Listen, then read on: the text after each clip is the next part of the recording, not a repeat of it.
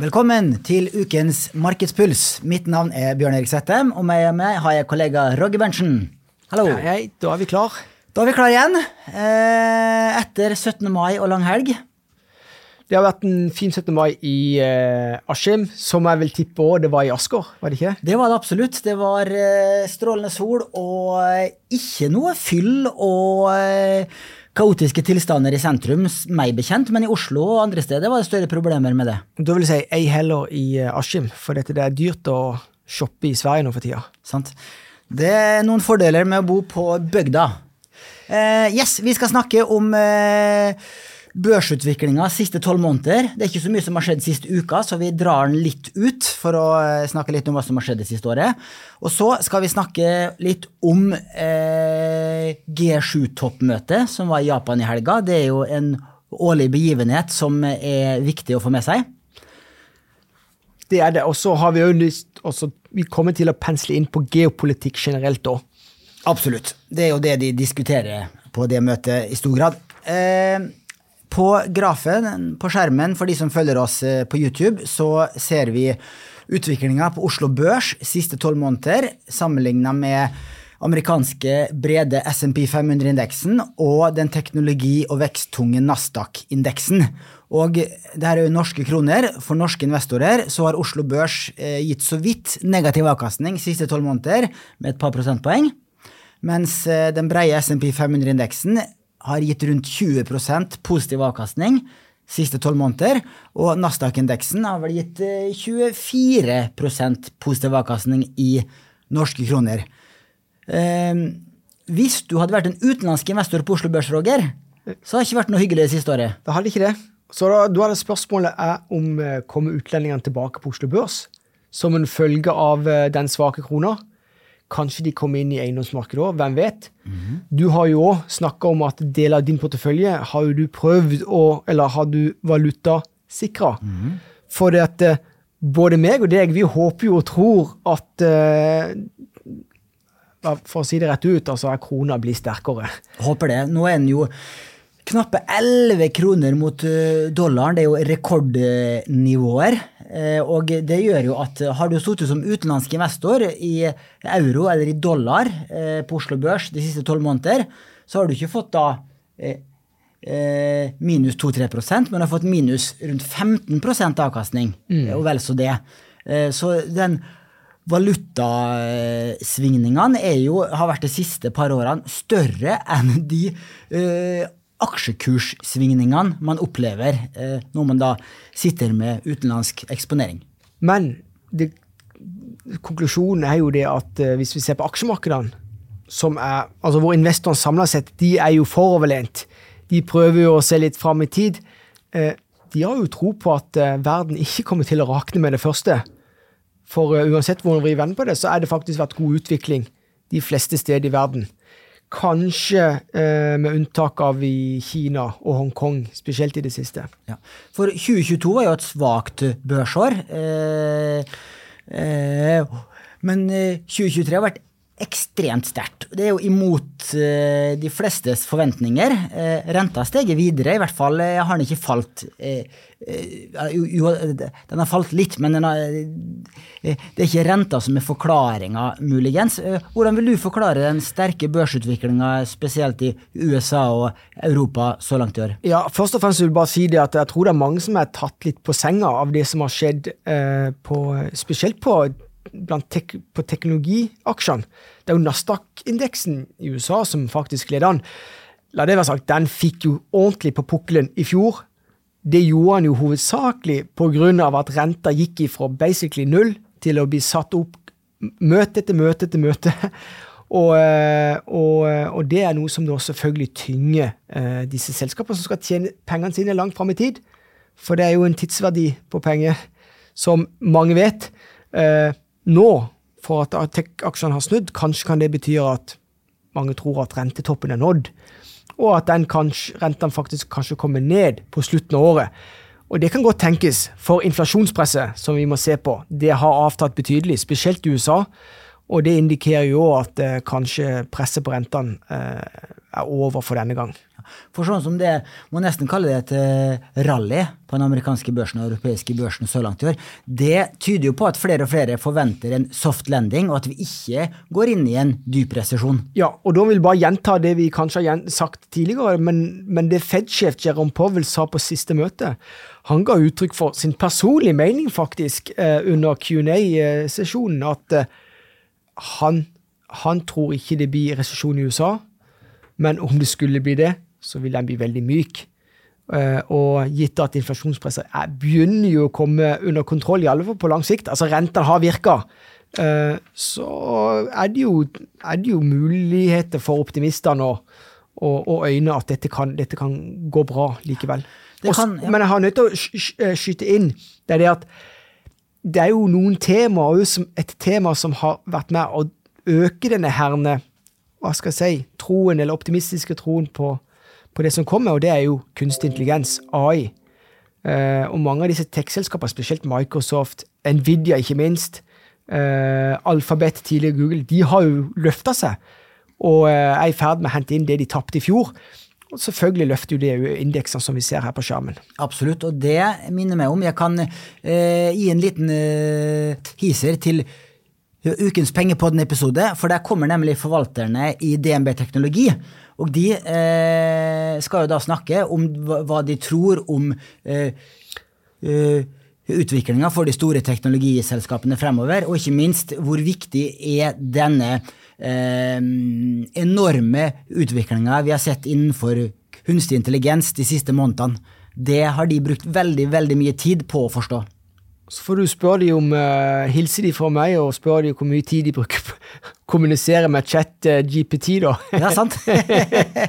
da jeg hadde de her uh, i poden for to år siden, så, så, sa de det at de begynte å se på bruken av kunstig intelligens allerede i 2014, så de har uh, fulgt med på den utviklingen her veldig lenge. Yes. Bra. Da skal vi over til tema to. Det er G7-møte i helga. og det ble jo arrangert i Hiroshima i Japan, og det var en, en, del symbolikk i det at møtet ble holdt nettopp her. For som alle vet, så ble, var det jo Hiroshima som ble bomba av USA på slutten av andre verdenskrig. Og det var over 70 000 mennesker som døde umiddelbart om morgenen den 6. august 1945. Og minst 145 000 døde totalt i løpet av det neste året. Så det er jo dramatiske omgivelser av det her. Og det er jo de sju store industrilandene eh, Storbritannia, USA, Japan, Italia, Tyskland, Frankrike og Canada som utgjør denne sjuertrioen. Hva ble diskutert der, Roger? Ja, du var apropos det med symbolikk. Eh, helt åpenbart eh, en, en, bra, kanskje en veldig bra plass å arrangere sånn møte på eh, i disse dager hvor uh, geopolitiske spenningene er skyhøye. Det er jo selvfølgelig uh, Russlands uh, aggresjon mot Ukraina som står i førersetet i de fleste sånne typer møter. Og så er det jo òg dette her kampen mot kjernefysiske våpen. For dette trusselen om bruk av kjernefysiske våpen i disse dager har jo, har jo økt. Og, og, og så, så, det er det som jeg vil liksom frembringe, det er det som er hovedbudskapet at her har du en verden som ønsker som at verden, vi skal ha en kjernefysisk eh, fri verden.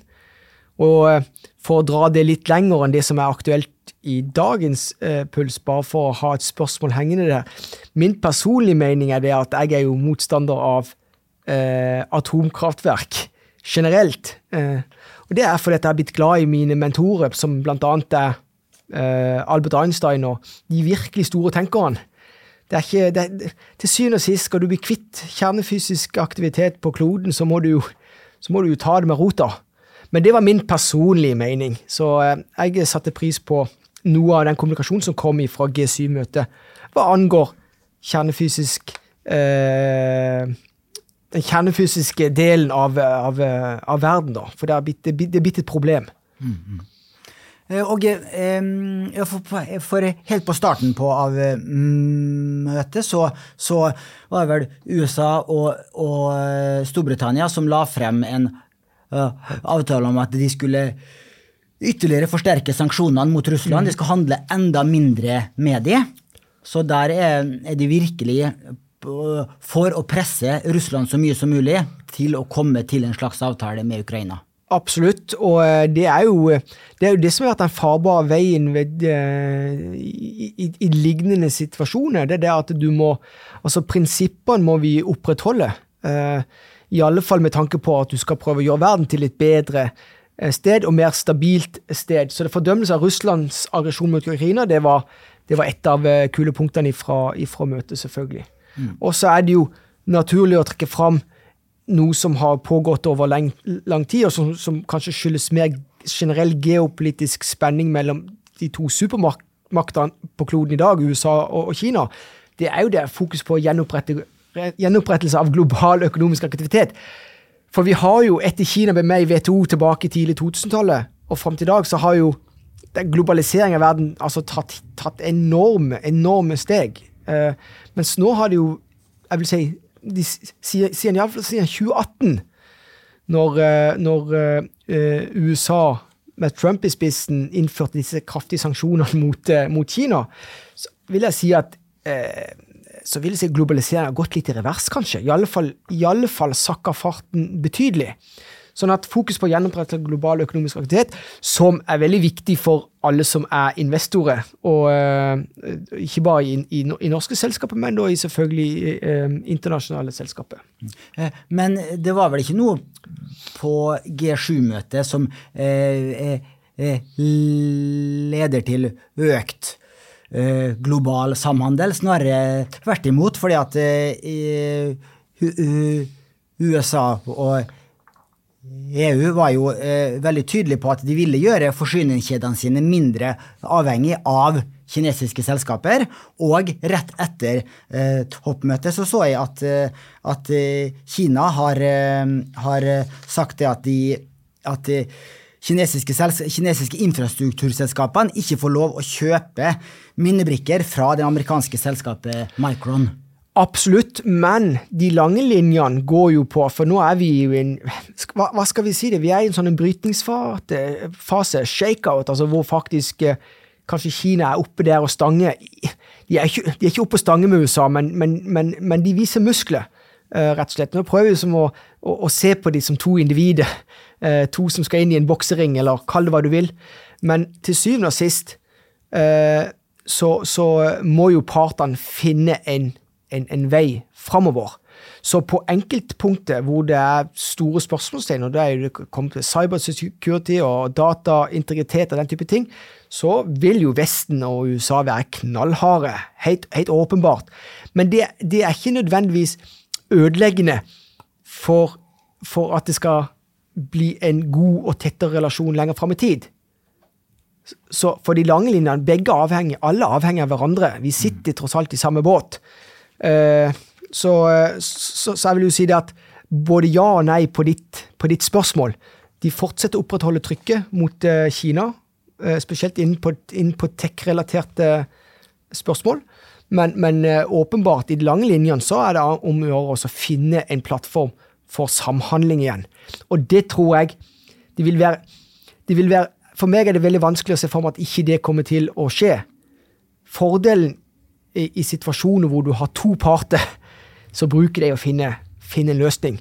Er det tre, kanskje fire parter involvert og uenige, så er det gjerne litt mer komplisert å finne en, en farbar vei eh, på, på, kort sikt. Mm. Det var også noen andre land som var invitert til G7-møtet, ikke bare de sju stormaktene, eller store, viktige landene. Det var eh, Australia, Brasil, India og Indonesia, og tror også Sør-Korea var invitert. Og eh, målet var vel at de eh, landene skulle støtte eh, kampen og sanksjonene mot Russland, og også å stå samla imot Kina. Så for den vestlige verden er jo, og også Japan, er jo redd for at Kina skal ta, ta kontroll over Taiwan. For der har de jo vist ytterligere muskler siste tida. Det har de, men det har du jo sett at eh, selskapene selv, ikke minst Apple. Altså de eh, Vi snakket vel det om, eh, om det var i pengepodden i forrige uke, eh, om at Apple er jo nå De prøver å ta sine underleverandører, Foxconn er de som største, til å bygge opp kapasitet, bl.a. i India. Eh, de ønsker å bygge opp kapasitet på amerikansk jord, sånn at de er, de er sånn en, eh, før, De følger et veldig enkelt føre-var-prinsipp. Eh, vi bruker tida til å diversifisere oss hva angår forsyningskjede. Så de partene som er involvert i dette, de, de har allerede tatt grep, eller er i ferd med å ta grep, rett og slett. Så, men en fullskala altså krig, Taiwan, Kina, USA, er usikker. er usikker. Men i alle fall er det viktig å se at partene tar aktive grep. Og fordi grepene blir tatt, så, så blir jo òg da pressmidler, f.eks. for Kina, bio, de blir jo ikke like sterkt. Uh, så, men, uh, men, nok en gang så, så er det, det er spenning der ute mm. som definitivt skaper volatilitet i aksjemarkedet. Men da har vi òg nødt til å prøve å være litt optimistiske, Bjørn Erik. Hva er det vi sier? Altså, hvis, hvis det blir stor volatilitet, usikkerhet, kursene faller på, på frykt, ja, så får du jo selskapet til, til, en billigere pris på børsen, så kanskje du skal være litt på hugget da. Hvem vet? Altså I alle fall så kan du utnytte svingninger som en følge av sto, store spenninger. Samt. Og eh, eh, Ukrainas eh, president eh, Volodymyr Zelenskyj var jo også til stede på deler av hoppmøtet. toppmøtet. Jeg så for øvrig et bilde av han sammen med de G7-statslederne. Da var jo alle i dress og slips, men Zelenskyj sto som vanlig i sin militær Ikke uniform, men militærfarga eh, klær. Mm. Så det var jo et eh, spesielt syn. Og eh, han var jo da til stede for å eh, få eh, fortsatt støtte for eh, Ukrainas krigføring mot Russland. De, de diskuterte også om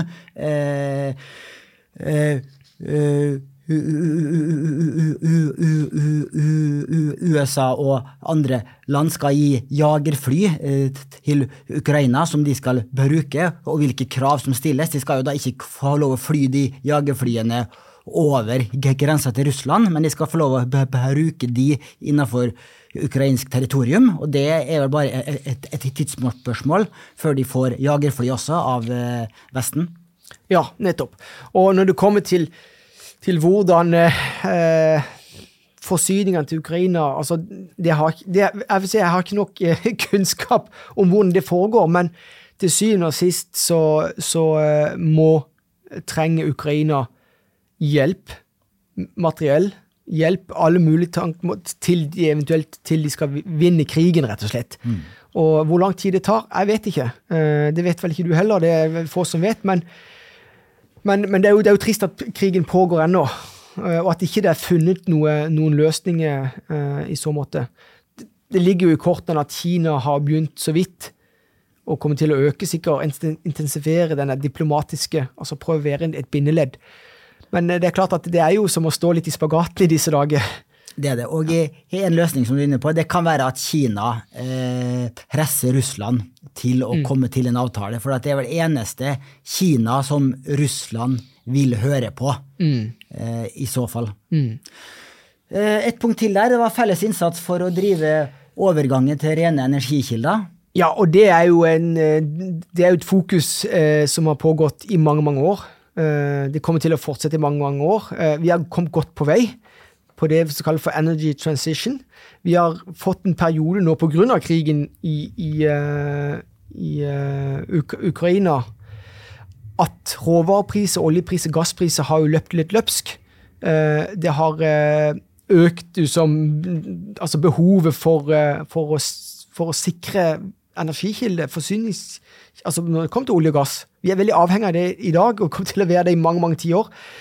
Så, så, så, vi går nok noen år i møte hvor, hvor, det blir investert tyngre i det vi kaller for fossile energikilder, men likevel så, så vil ikke fokuset på rene og fornybare energikilder eh, forsvinne, rett og slett. Og det er jo litt viktig for våre kunder, seere og lyttere, som er investert i, i, i uh, fornybare altså selskaper som driver innenfor fornybare energikilder. Ja. Det vil absolutt bli kommentert store store mm. beløp for investeringer innen fornybar energi. Eh, det har vi snakka om før. Jeg hadde jo et besøk av Philip Ripman, forvalter i storbrann Global Solutions og storbrann Renewable Energy, her for en måneds tid siden, så da snakka vi mye om det. Så de som er interessert i å høre mer om det, kan, kan spole tilbake i arkivet vårt. Ja. Et siste punkt på, på lista vår fra G7-møtet var at det er, ble diskutert at det er behov for et internasjonalt regelverk for kunstig intelligens. Fordi at det var flere som uttrykte bekymring for den utviklinga, og at dette må eh, styres og reguleres eh, bedre, og at det haster med et regelverk. Mm. Helt klart. Eh, vi har jo så vidt eh, diskutert i, i, noen av våre sendinger kunstig intelligent, eh, eller AI, chat, GPT, ikke minst, altså hvordan du skal bruke det. I alle fall de som bruker det for å bli en bedre versjon av seg sjøl, de bruker det jo riktig. Det kan jo brukes feil, helt åpenbart. Sånn at eh, i dag er det ikke noe særskilt regelverk rundt det, og det kommer det til å bli. Eh, for dette her er jo, i alle fall, og nå, nå taler jeg jo litt ut ifra personlige erfaringer. altså det, For meg har det vært en åpenbaring. Eh, og, og uh, dette er jo noe som kommer virkelig til å ta faktisk hele økonomien, verdensøkonomien, eller jeg vil si menneskeheten, til et nytt, nytt steg. Rett og slett. Du kan effektivisere så ekstremt mange prosesser uten særlig opplæring, til og med.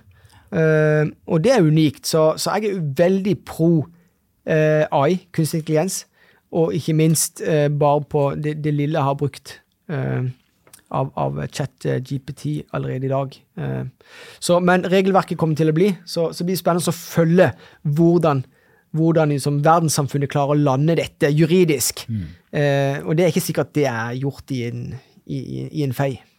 Og der er jo kjempestore konsekvenser for de ulike eh, selskapene også som, som bruker den teknologien. Mm. Eh, eh, Microsoft, som er en stor eh, funder av eh, chat Eller op, Open AI, som Ja. Det er riktig. Mm. Som står bak eh, mm. ChatGPT, mm. og da, som skal da integrere det her i Office-pakken osv. Google, som nesten har monopol i dag på søkemotorannonsering og bruk av søkemotorer. Markedsverdien deres vil helt sikkert påvirkes når det kommer i slike regelverk på kunstig intelligens. Definitivt. Men én ting er sikkert, i alle fall. altså Selv om du har nærmest verdensherredømme på søk, så er det, er det nesten up for Det er ikke, det er ikke up for grabs. altså det, vi, vi, Kortene deles ikke på nytt, men nesten, faktisk. For nå er det jo bare det, På hvilken måte klarer da eh, Google eller Alphabet å komme i kapp? Eh, og nå snakker vi om, om, om uh, OpenAI, som er hvor kanskje Microsoft ja, jeg vet ikke, dikterer veldig mye eh, den dag i dag pga. sin funding. Ja. Så det blir spennende å følge med. Det, det blir et, et, et, eh, ongoing tema uh, i studio hos oss. Det er et av spørsmålene jeg skal stille til DNB Teknologiforvalterne, nemlig at uh, den dominansen Google har hatt frem til nå på søkemotor, og de store annonseinntektene som kommer fra uh, Google-søk, at er ikke de veldig utsatt hvis nå, eh, når du søker på internett, så vil du heller ha svar fra en AI-robot eh, som kan gi mer detaljerte og presise svar enn Google har kunnet frem til nå. I så fall kan de miste enorme annonseinntekter. Ja, og jeg kan bare si for litt, eh, bare reflektere litt over mine egne erfaringer med brukt Du vet jo at jeg har brukt mange timer på uh, å høre på lydbøker. Jeg, altså, mitt forhold til ChatGPT i dag, det er med på å disruptere min bruk av av, eh, av lydbøker. Eh, så du bruker mindre lydbøker? Ja, så jeg bruker mer, for jeg, får, jeg klarer å lære mer og bli bedre med å det, og det er jo interessant. Om det, det, det, kan jeg umulig tenke meg unikt for min del. Jeg vil tippe at det er noe som veldig mange vil erfare. Audible er jo et Amazon-produkt eh, for øvrig. Ja, Så bra. Men det tror jeg vi runder av. Så ha en fortsatt fin uke, så høres vi igjen i Markedspuls om en uke.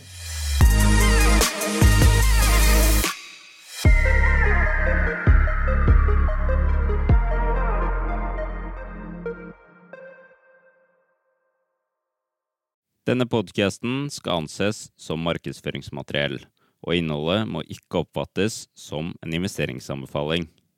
Podkasten er kun ment til inspirasjon og informasjonsformål. Nornett tar ikke ansvar for eventuelle tap som måtte oppstå ved bruk av informasjonen i denne podkasten. Les mer på disclaimer på nordnett.no.